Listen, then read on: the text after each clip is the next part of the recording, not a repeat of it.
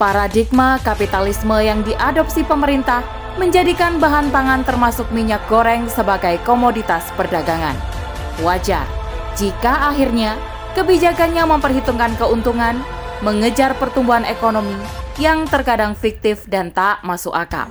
Selengkapnya, tetap di podcast Narasi Pos Media. Narasi Pos, cerdas dalam literasi media, bijak menangkap peristiwa kunci. Bersama saya Dewi Nasjak, inilah rubrik opini dengan judul Menakar Pentingnya Subsidi Minyak Goreng oleh R. Raraswati. Pada pertengahan 2021, harga minyak goreng 14.000 per liter masih dibilang mahal. Sebagian ibu-ibu batal membelinya, berharap harganya kembali lebih murah. Sayangnya, harga terus menanjak hingga kenaikan hampir 100%. Dalam kondisi seperti ini, pemerintah datang bagai pahlawan dengan memberikan subsidi yang semestinya tidak perlu dilakukan. Kenapa demikian? Pada faktanya, pembiayaan subsidi minyak goreng tidak menyelesaikan masalah. Kebijakan ini hanya menguntungkan produsen minyak goreng, yakni perusahaan swasta. Jika subsidi ditingkatkan, justru akan semakin menguntungkan perusahaan swasta. Apalagi minyak goreng bersubsidi hanya dapat dibeli di supermarket dan minimarket tertentu, sehingga tidak semua masyarakat mendapatkannya. Lagi-lagi, elit atau pemilik supermarket yang diuntungkan bukan rakyat secara keseluruhan. Bagi supermarket atau minimarket yang menjual minyak murah, akan dipenuhi pembeli. Psikologi manusia yang mudah takut kekurangan dimanfaatkan pelaku kapitalisme. Digambarkannya, minyak goreng yang langka, mahal, dan susah didapatkan. Menjadi wajar jika masyarakat panik buying dan memborong minyak bersubsidi dengan berbagai cara. Aturan maksimal setiap pembelian selalu bisa disiasati konsumen. Semua anggota keluarga bahkan tetangga dikerahkan agar mendapatkan jatah minyak lebih banyak. Sementara itu, pedagang yang sudah terlanjur membeli minyak goreng dengan harga mahal harus lebih bersabar. Pasalnya, mereka tidak mungkin menjualnya dengan harga yang ditentukan pemerintah. Jelas, pedagang tidak mau rugi. Mereka hanya bisa berharap masyarakat mau membeli dengan harga tinggi tanpa subsidi. Pilihan kedua, pedagang harus menunggu enam bulan sampai program subsidi habis. Dari fakta ini, bisa dilihat kesalahan paradigma pemerintah dalam pengelolaan pangan rakyat. Paradigma kapitalisme yang diadopsi pemerintah menjadikan bahan pangan termasuk minyak goreng sebagai komoditas perdagangan. Wajar jika akhirnya kebijakannya memperhitungkan keuntungan, mengejar pertumbuhan ekonomi yang terkadang fiktif dan tak masuk akal.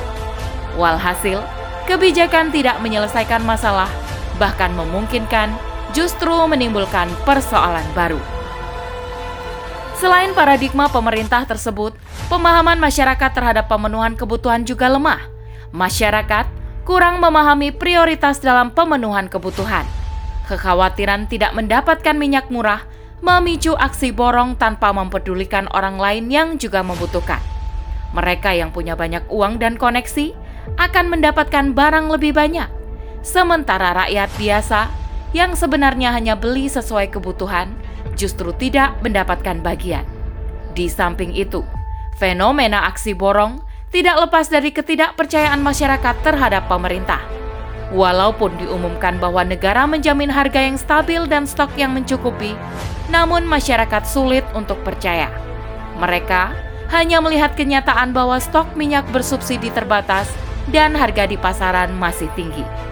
Jadi, jika pemerintah ingin mendapatkan kepercayaan dari rakyat, bukan dengan memberi subsidi minyak goreng. Pemberian subsidi menjadikan negara hanya sebagai regulator dan fasilitator Pemeran utama dalam pengelolaan bahan pangan dalam hal ini minyak goreng tetap dikuasai korporasi dan oligarki. Yang harus dilakukan pemerintah adalah menjalankan pengelolaan perkebunan sawit secara mandiri oleh negara. Negara wajib memastikan ketersediaan minyak goreng mulai hulu hingga hilir, mulai menyediakan bibit, pupuk, dan sebagainya. Jika ketersediaan bibit dan harga pupuk mahal, maka akan memengaruhi biaya produksi dan berimbas pada harga bahan baku. Faktanya, sekarang pemerintah menetapkan harga bahan baku domestic price obligation atau DPO yang merugikan petani. Pasalnya, harga bahan baku diturunkan, sementara harga pupuk tetap tinggi. Akibatnya, petani atau perusahaan sawit akan berpikir melakukan ekspor guna menghindari kerugian. Kalau hal ini dilakukan, ada kemungkinan stok CPO berkurang atau menjadi sedikit. Berdasarkan konsep ekonomi kapitalis, jika persediaan sedikit sedangkan permintaan banyak, maka terjadi inflasi atau kenaikan harga. Namun, jika pengelolaan perkebunan sawit dilakukan oleh negara dengan baik, hal ini tidak akan terjadi. Setelah pengelolaan perkebunan sawit dipastikan berjalan baik, yang perlu dilakukan adalah proses produksi. Negara harus memastikan proses produksi berjalan baik dengan memperhatikan kualitas. Tahap berikutnya adalah pengaturan rantai distribusi pangan yang merata dan terjangkau oleh semua lapisan masyarakat. Negara akan memastikan semua wilayah mendapatkan pasokan bahan pangan yang cukup. Berbicara masalah distribusi, tentu tidak lepas dari sistem logistik dan infrastruktur. Negara wajib melakukan pengawasan ketat agar tidak terjadi kecurangan dari oknum tertentu. Dengan demikian, kecil kemungkinan terjadi penimbunan dan permainan harga oleh tengkulak. Sedangkan dari sisi individu, negara yang menerapkan sistem Islam akan mengendalikan sifat tamak masyarakat. Setiap orang tidak akan berebut bahan pangan karena masing-masing mengambil sesuai kebutuhan. Demikianlah penerapan sistem Islam oleh negara yang juga menjamin perilaku rakyatnya sesuai syariat.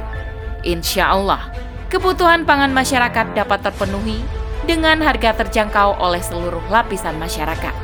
Pada akhirnya, kesejahteraan dapat dirasakan oleh setiap individu dan perekonomian negara stabil.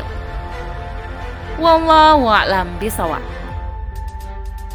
Demikian rubrik opini kali ini. Sampai bertemu di rubrik opini selanjutnya. Saya Dewi Nasjak undur diri. Afumikum wassalamualaikum warahmatullahi wabarakatuh.